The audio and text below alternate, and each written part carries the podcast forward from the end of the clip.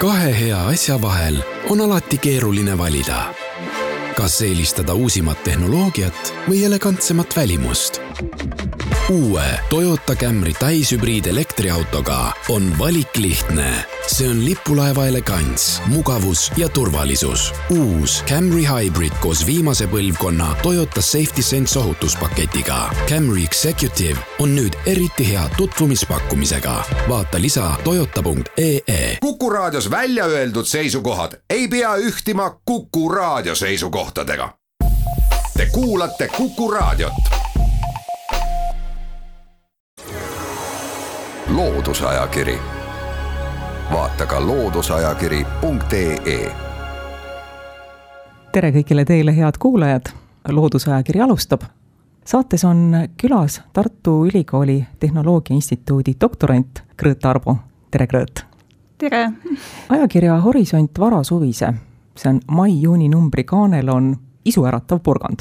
Grõõt on põhjus, miks Horisondi kaanepildiks on porgand sellepärast kutsusin ka Kõõda meile saatesse külla, mina olen saatejuht Tiiu Rööp. sinu artikli pealkiri Horisondis on Taimne toit kui vahelüli inimese ja mulla mikroobide vahel ja pealkiri võtab väga hästi kokku selle, millest sa kirjutad Horisondis. pakun välja, et me peaksime mõne mõiste lahti seletama, mis ei ole sellised, mida igapäevaselt inimesed kasutaksid. mis asi on endofüüt, alustame sellest endofüüt on mikroob, mis elab taime sees ja see tuleneb kreekakeelsetest sõnadest endon ja füt, mis siis otsetõlkes ongi taime sees. ja taime sees on neid palju? Neid on palju kui kaua inimesed teavad seda, et taime sees elavad teised organismid? on see uus teadmine meie jaoks? see, et seal elavad väga paljud erinevad organismid, see on suhteliselt äh, hiljuti tulnud teadmine mitte just väga kaua aega tagasi arvati, et äh, terved taimed on steriilsed ja neid äh, asustavad ainult äh, patogeenid, mis siis tekitavad taimele kahju. esimesed taimega seotud kasulikud bakterid on tegelikult meile kõigile teada lämmastikku siduvad bakterid liblikõieliste juurtel aga isegi pärast seda ei olnud kõik teadlased ühte meelt, et taimedes on võib-olla väga palju erinevaid baktereid. aga teaduse arenedes ja molekulaarsete meetodite tulekuga on ennenähtamatu mitmekesisus saanud nähtavaks.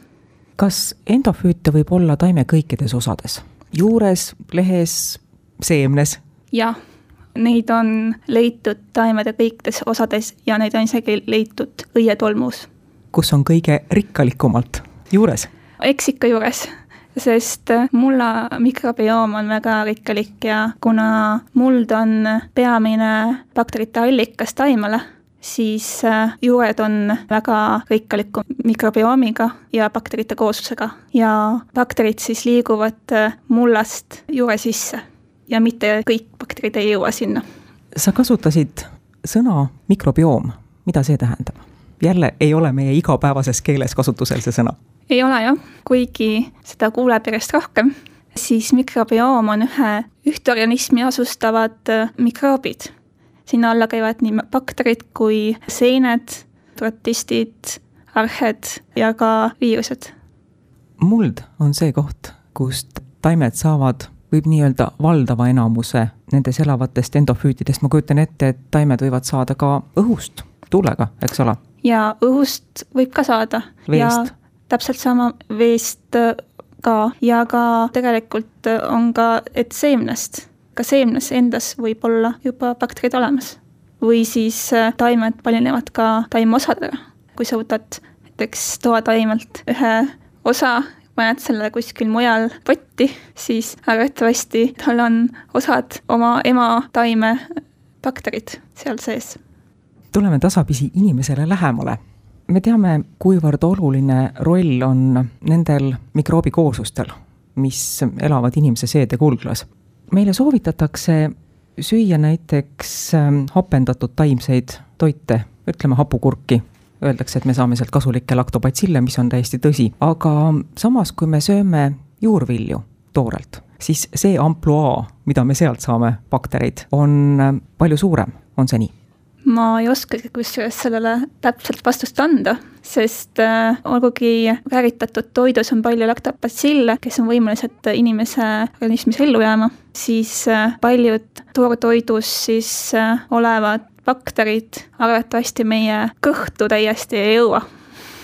maahape on see, mis äh, saab neile saatuslikuks, võib nii öelda? maahape ja võib ka muid äh, keskkonnategureid äh, nagu temperatuur, mis on taimedes, temperatuur, mis on inimeses, hapnik saan ma sinust õigesti aru, et me ei pea kartma toorest juurvilja? ei pea kartma toorest juurvilja, sest me võiksime natuke mõelda, kuidas me oleme elanud viimased viiskümmend aastat. Ja näiteks siis, kuidas me elasime kakssada aastat tagasi, et kui palju me aega veetsime looduses, kui palju me hetkel veedame aega kunstlikes keskkondades, kus ei ole nii palju taimi mulda, et äh, ma arvan, et me oleme koos bakteritega arenenud ja inimese mikrobiomi olulisust on üha enamate teaduslike artiklitega tõestatud ja meie juurviljade uurimus näitas, et väga paljud hõimkonnad, mis on juurviljades, on olemas ka meie enda sees või võrrelda neid tulemusi erinevate artiklitega. Milliseid juurvilju sina uurisid, mille põhjal sa saad seda üldistust teha? meil olid äh, nii eestlaste lemmikkartul, siis kaalikas, peet, porgand ja maapirn ehk topinambur. kas on vaadatud ka seda, kuidas muutub säilitamisel ühe juurvilja endofüüt? ma ühtegi sellist äh, uuringut hetkel ei tea, aga meie uurimuses äh, me võtsime enda juurviljaisendid äh, siis keldrist. Need olid üles võetud oktoobris ja siis jaanuaris need jõudsid meie laborisse. ja topinambur võeti üles siis jaanuaris, sest seda võib hoida maa sees, sest ta on külmakindlam. topinambur ei ole eestlaste toidusedelis igapäevane taim. miks me võiksime rohkem topinamburit süüa või kasvatada? No esiteks ta on päris hea maitsega ja teiseks äh, ta sisaldab päris palju inuliini, mis on äh, heade kõhubakterite toit, mis aitab kaasa meie tervise hoidmisele. loodusajakiri, vaata ka looduseajakiri.ee. kuku raadio stuudios on Tartu Ülikooli Tehnoloogia Instituudi doktorant Krõõt Tarbo, saatejuht on Tiiu Rööp. meie vestluse alguses ma ütlesin, et ajakirjas Horisont on sul artikkel ja selle artikli aluseks on sinu magistritöö, on nii? on jah praegu oled sa doktorant ja sa tegeled veel huvitavama probleemiga, see on antibiootikumresistentsus, mis on järjest äh, kasvav probleem. kuidas on porgand ja antibiootikumresistentsus seotud omavahel? sellele ma hetkel ei oska vastust anda, teaduslikku vähemalt sest ma ei ole uurinud porgandite antibiootikumi resistentsust. meil on hetkel pooleli projektid, kus me uurime kartulit ja otra tegelikult mis ei ole üldse juurivili, aga on ka siis äh, ikkagi taim. minu küsimuse varjatud mõte oli see, et äh, millist teed mööda võib juhtuda see, et äh, ühes kas teraviljas või köögiviljas või juurviljas on antibiootikumresistentne tüvi, kuidas ta sinna satub? üks asi on muidugi see, et alati tekib ka looduses resistentseid tüvesid, aga kui me nüüd mõtleme päris selliseid ravimresistentseid tüvesid, mis on inimese tegevusest mõjutatud, on see teke ja see tuleneb peamiselt siis äh, antibiootikumi valesti kasutamisest ja ülekasutamisest ja seda võib äh, juhtuda ka näiteks äh, farmides, loomafarmides suurtes, kus palju loomi on koos ja kui üks loom haigeks jääb, siis antakse ka teistele siis profülaktika mõttes ennetatavalt siis antibiootikumi. grupiteraapia vist pidi selle asja nimi olema. ja see tähendab seda, et ähm, see tähendab seda, et äh, mitte kogu antibiootikum ei, ei lagundata organismis ära ja väga palju võib välja tulla koos uriini ja väljaheidetega. ja farmide väljaheiteid, olgu see siis sea, lehma, hobuse või siis linnufarmi väljaheiteid kasutatakse tihti põllumajanduses äh, väetistena ja seda teed mööda siis võibki jõuda antibiootikumi resistentsusgeenid, antibiootikumi resistentsus bakterid meie toidulaual olevasse taime. kuidas seda ära hoida, me ei saa ju võtta vastu otsust, et me nüüd äh, läga, sõnnikut, et me ei kasuta seda kui väetist, me ei saa seda ju teha. jah, ei, pigem on vajalik antibiootikumide kasutamise piiramine ja kasutada eelkõige teisi võimalikke variante. et äh, üheks selleks on ka väiksemad karjad, kus on vähem loomi koos. Seda võib ka, et äh, kasutada kompostitud äh, väljaheiteid, et see vähendab antibiootikumi resistentsusgeenide ülekandumist taimedesse.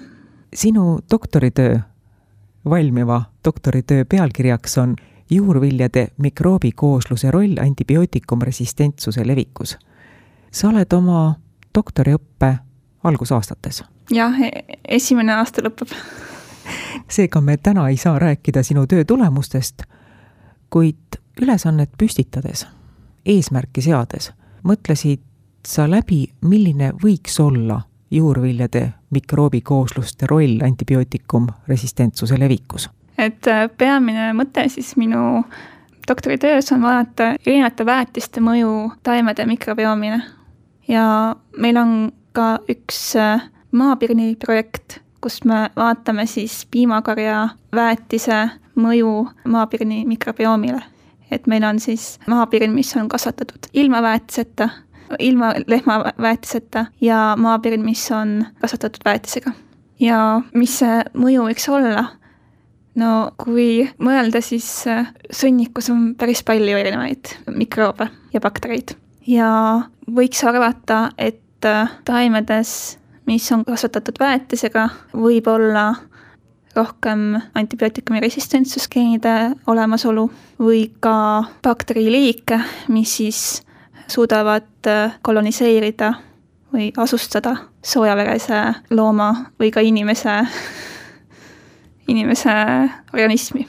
Grõõt, ma kuulasin sind ja mõtlesin, et äh, kas peaks pelgama porgandikaalika söömist selle mõttega, et äkki ma saan sealt antibiootikumresistentse bakteri ja ta hakkabki minus elama?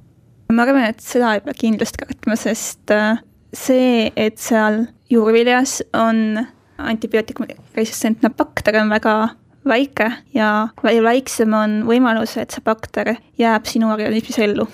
et pigem ma ütleks, et äh, peaks vältima reise Aasiasse, kus antibiootikumi resistentsete geenidega bakterid on väga levinud ja üks uurimus on ka näidanud, et äh, ainult kolm päeva võtab aega, et mõni neist sulle organismi jõuab. me lõpetame selleks korraks saate. saatejuht Tiia Rööp tänab külalist, Tartu Ülikooli Tehnoloogia Instituudi doktoranti Grõõt Arbot, aitäh! me teadlikult ei rääkinud saates üle neid teemasid, millest Grõõt Arbo kirjutab ajakirja Horisont mai-juuni numbris.